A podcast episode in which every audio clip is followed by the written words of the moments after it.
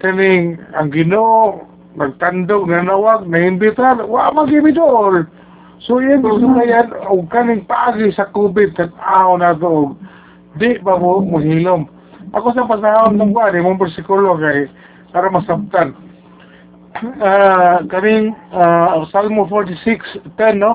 Mingon siya ano nga ang inyong panag-away? Ug ilha ako nga mao ang Dios ang labang pangulo sa kanasuran o sa tibok kalibutan.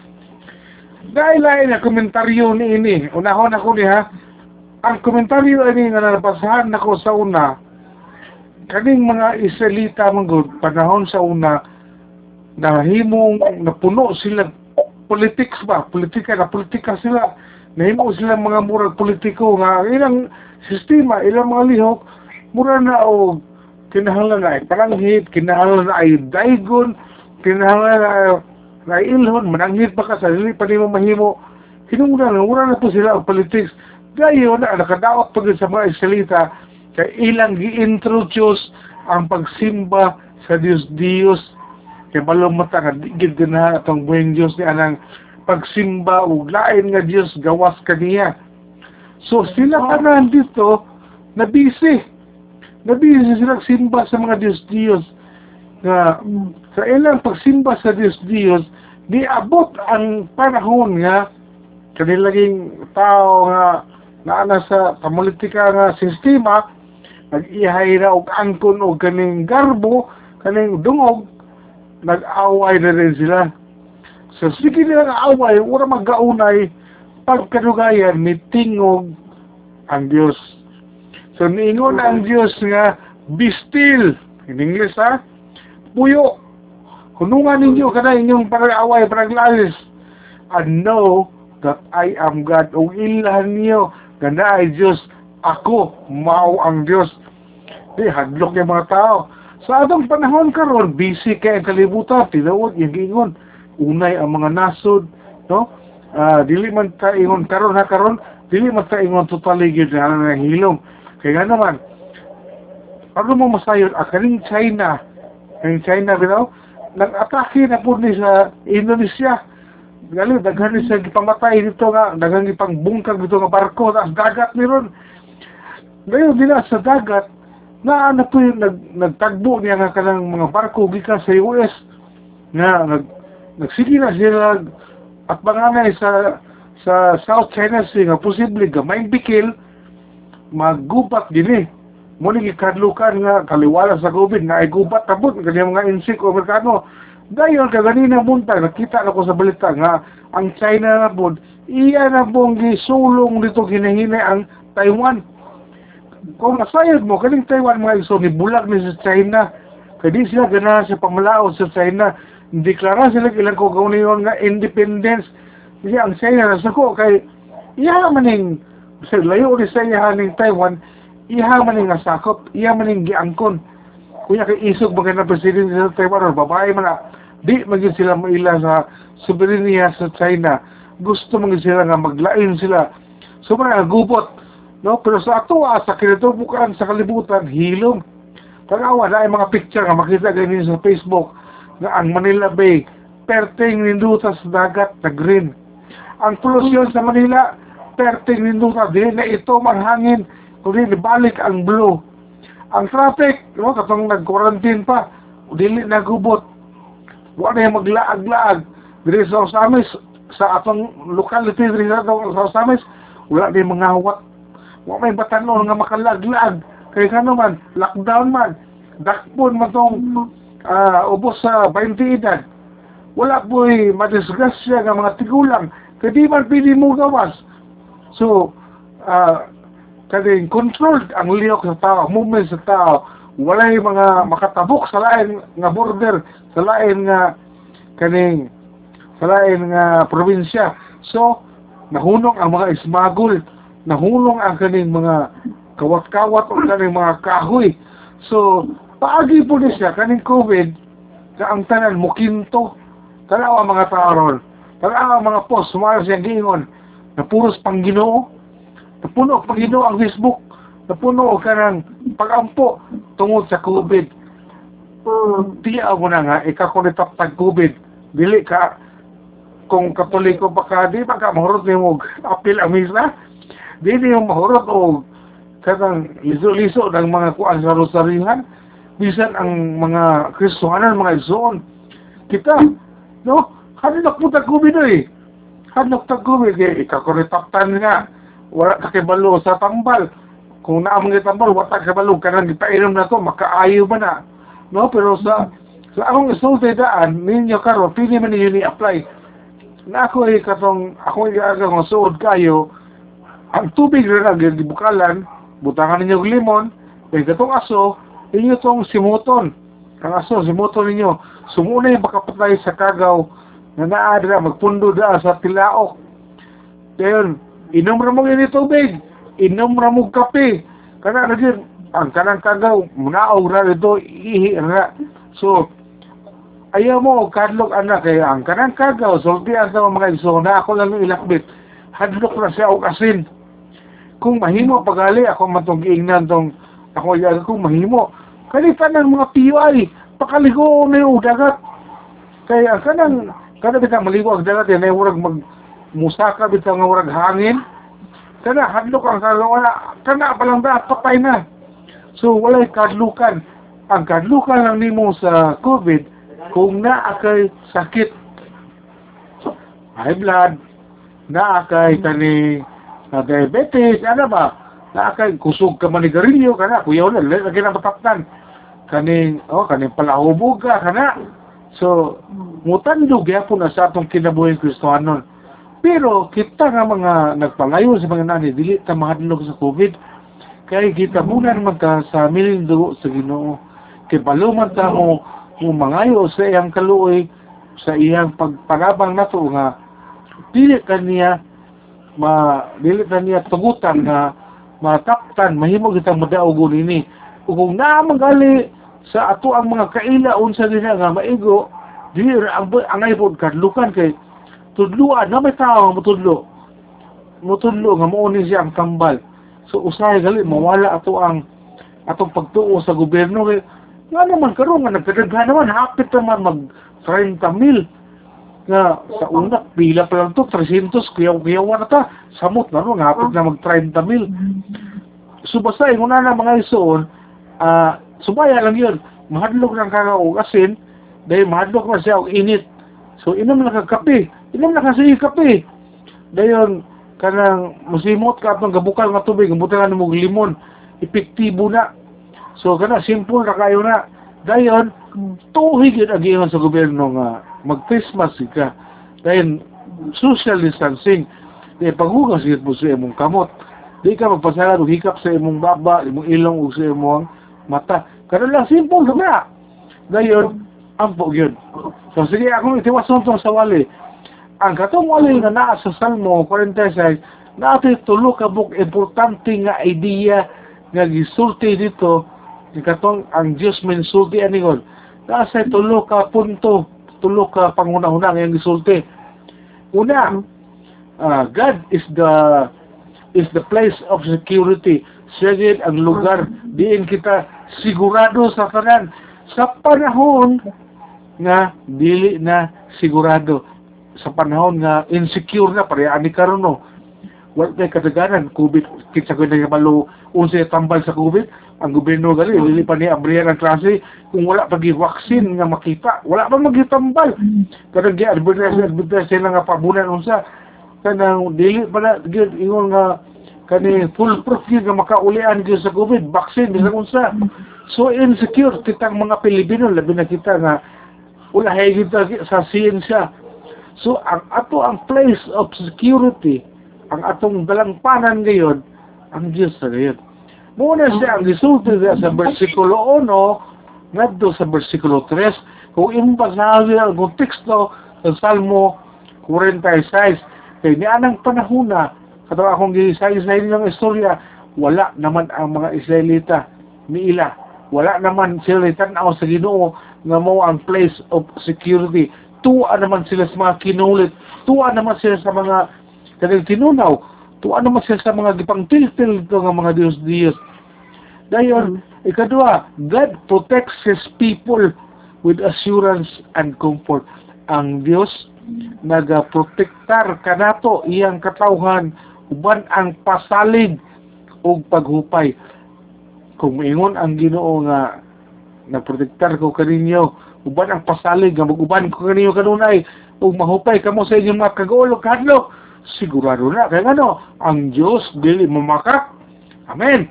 Ang Dios walay ka usaban. Kung unsa na siya sa una mo gihapon na siya karon.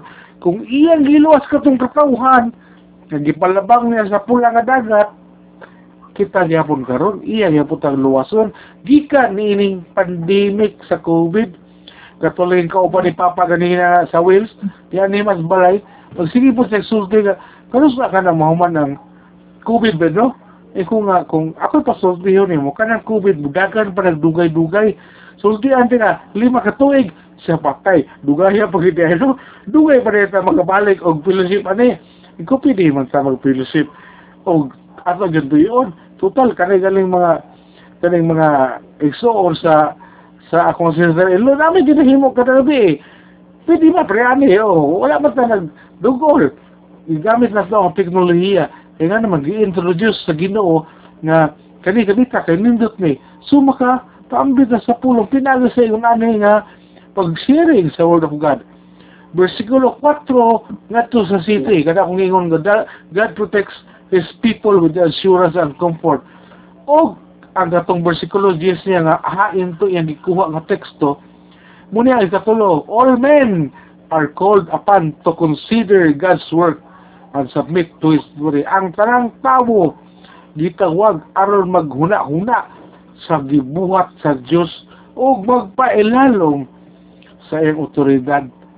So, dili kay kita ang boss, no? Si Noy Aquino, kinunda mo, ang presidente, pagka-presidente niya sama, kayo ang boss ko. Ah, ang katawhan mo iyang boss. Ala yun, Lord, ikaw ang akong amo, Lord. Dili kay Lord. Ulahi lang ka, Lord. Unahan mo sana ako rin albularyo, Lord. Kaya kung di niya matabang, Lord, ah, ikaw, ikaw na Lord, nasayo. Kaya ikaw man ang ginoo may atong gi, gi, gilantaw nga mo ay atong agalon, doon din na niya. Lord, kinahanglan kani ako idool nimo nag nagayo ko kanimo kaayuhan. Himo ang Ginoo nga madawgon ko. Kay aron masang niya nako Ginoo imong kebulong ang buhat. Ah lipay kay Ginoo ana. Kay sa kay Ginoo wala na gid Ginoo. Intaw Ginoo wala na sabak sa albularyo ni burot ta gid Lord. Hapit na bumuto ikaw may bahala ni Lord. Ayuhan Lord ah. Muno og kandila ang kuta patindog. Ya lulo dito ah tanak tanak klase subli abre agoy dili ingon ana siya gyud ang una submit. No submit. To his authority kung ingon na gina puyo puyo ka kung mga na gina sige lakaw na ay na ka mo lakaw no? Dayon para na to karon nga naminaw natay gitawag og unshakable confidence.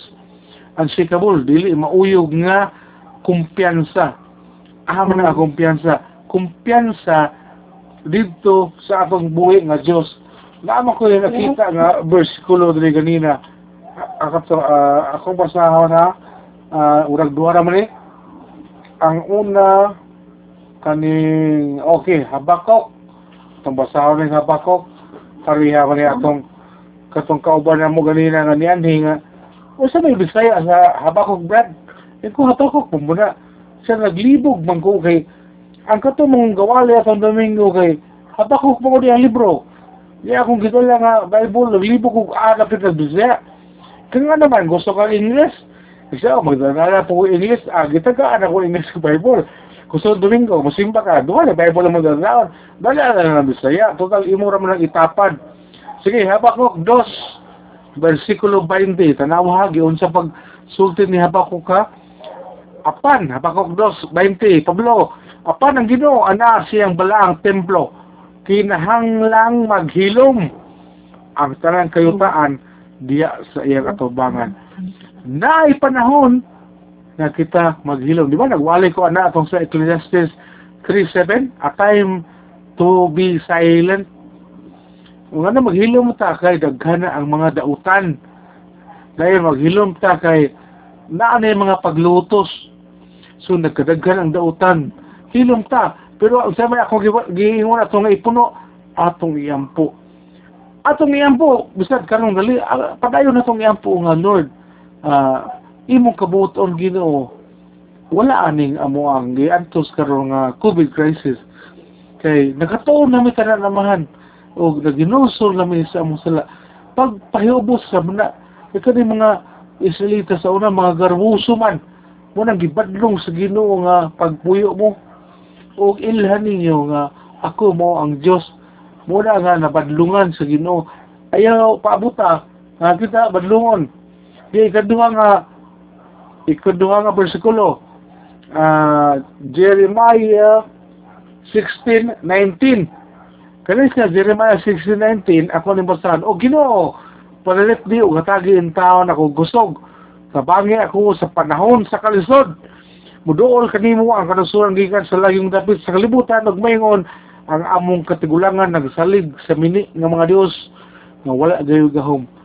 Isugid isugid nila no nga ang ilang mga kaniadto nga naguna kanila ni salig sa mga Diyos-Diyos muna siya ang sala. So kita sa una sa dili pa ta Kristohanon ang tagikan di ba? Gikan mo kita atong naguna gyud nga relihiyon. Ang kani-kani nagwala ni ingon siya gikan siya sa uh, uh, apel siya ni kay nakahisgot mo siya atong singles for Christ. So ako sa una mga 1994 singles for Christ man ko kana second batch ko ato dito sa Samis dahil dito ko na-expose aning praise and worship. Sayon ra kay kabigon ang kaning uh, singles for Christ. Kay praise and worship man eh. Praise tulo worship tulo dahil na ano itong mga pagbaya mga pag pagdaig. Ingon ana ang ginahimo nato mga Kristohanon pero kita simba o gadayag sa Ginoo kasabot kita sa atong gihimo. Kanang sa sa kanang gigikanan nako nga mao nang grupuha ay wala man na atik-atik naman na. Pero ko diingon sa akong maestro nga ang gahimo kano sa module anang singles for Christ ang gisunod sa katoliko wala man nag-charismatic good mura og revival po sa katoliko ba nga rumudasig po ang mga katoliko nga batanon. Couples, singles, then youth man na youth, then katong mga handmaid, katong mga balo nga bayi, nakalimot mo ko atong mga laki servants ang tawag sa mga laki nga balo. Una naman ang kids katong mga anak nga bata noon ang gahimo sa module ana naman ay mga tok 1 hangtod sa tok 12 ba to ang 12 ana murag baptism. Ay 8 ana baptism. Eh, ang 12 murag graduation. Ang gahimo sa module ana murag tok na siya kada domingo. Usa ka pastor. So salamat sa Ginoo kay naigigamit nga usa ka pastor nga maghimo ni ana. Nahimo na siyang eye opener nga kung ikaw galit na kay mabantayan nga membro ana couples program si IPSI, SIPSI, uh, sa mga sa YIPSI, Maki IPSI, sayon na kay nimo na i, i ikabig. Kay sa una pagsugod anang anang singles for Christ, wala man ay kanang butang mag, mag, mag-abot may sa amo ang kading abutana mag ma, ma, ma, Domingo masapon walay ibutang dira sa tubangan kundili uh, crucifix. Sa ito ba, kung crucifix gali, di man ta masulod na kay nabanaw naman gino, at least crucifix. Dili si Maria ang ibutang. So, ang tao, ang mga membro, ang mga misalmot, ang imong kabigon, nakafocus gyapon sa Ginoo. Kay kung naa si Maria din na hindi ambo, apil naman si Maria. Eh, ambo mo kami. so, makatawa ko, ano ba nga? kanang sana nakalimot ka na igampo mo kami karon o gusto to sa oras sa mong kamatayan nga nung si Maria may angay mo ampo no iampo mo kami makasasala kita nga makasasala may angay mo ampo mo ampo o kapasayluan aron sa oras sa itong kamatayan di nahadlok sugato na ta sa anghel di na musugat na to katong naigagmay sungay nga magdalag tinidor nga dagko Yan sigurado ka inig kamatay nimo, buhay ka. Kaya inig saglit sa ginoo nga mata, ah, bangon ni ka. Niya ako din ni Lord. Nagpaabot ko nimo. So, tindog na ka. So, ali, kuyog na ko. Ato ta dito sa langit, sa ginarian, sa kaman, magbangkit ta. Ah, nindot kay mga ison, kung apil ka ni anak. Dayon, ah, oh, mali na, na humana man ako hatagan na, ang gato iyang giwali, ako to siyang mapil, no? Ako siyang mapil nga, from the heart, gikan sa iyang kasing-kasing mga, unsa iyang gibati sa sitwasyon sa kalibutan, iyang gipadayag sa iyang wali. Dayon, nasayod di ko nga katong iyang gipili nga Salmo 40 siya, iya gitong napilian nga gitudlo gito sa iya nga kani insakto to kay imong gibutang ang sitwasyon sa kalibutan tingali sa sitwasyon sa imong kinabuhi naon sa karon ikaw ra ang nasayod nga di nga kitang tanan imo aming gisultian karon igsoon nga bistil magpuyo ta kay usay busy ta. Bisan doon mo ingon ka nga minga ng kalibutan busy ka ta ron oy. Busy ka ta aning na doon wa pa nahuman. No busy ka ta ilisi-ilisi atong mga dagwa sa Facebook. Busy ka ta kiyay-kiyay atong TikTok. Kay busy ka ta atong sabi na nga pa ipaguro nga butang-butang na po og bungot? Ikaw ka lang ko nga gipausa sa Facebook no? Dayon kung dili ta kaning aware dili ta abtik yan na madalahig madalag kita nga mga Kristohanon. Kani bitang ah, beauty plus o gusto man kita tan-awon sa atong profile kanang hamis atong dagway. So pag eyeball ninyo sa imong gika-eyeball di ka tuo imong eyeball wala.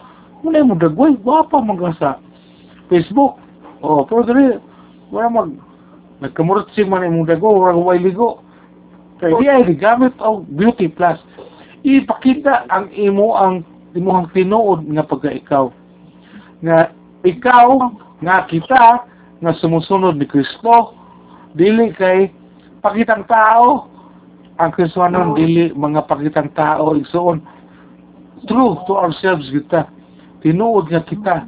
Tinuod ta nga sumusunod ni Kristo tinuod ta nga nailamdag nga nagdala siyang pulong o tinuod ta nga nagpadayag sa tong pagtuo nga si Jesus Ginoo amen Amen. Okay, ang uban nga higayon nga sa pagdugang pagdasig, akong ihatag ng Sister Amay, salamat sa Ginoo.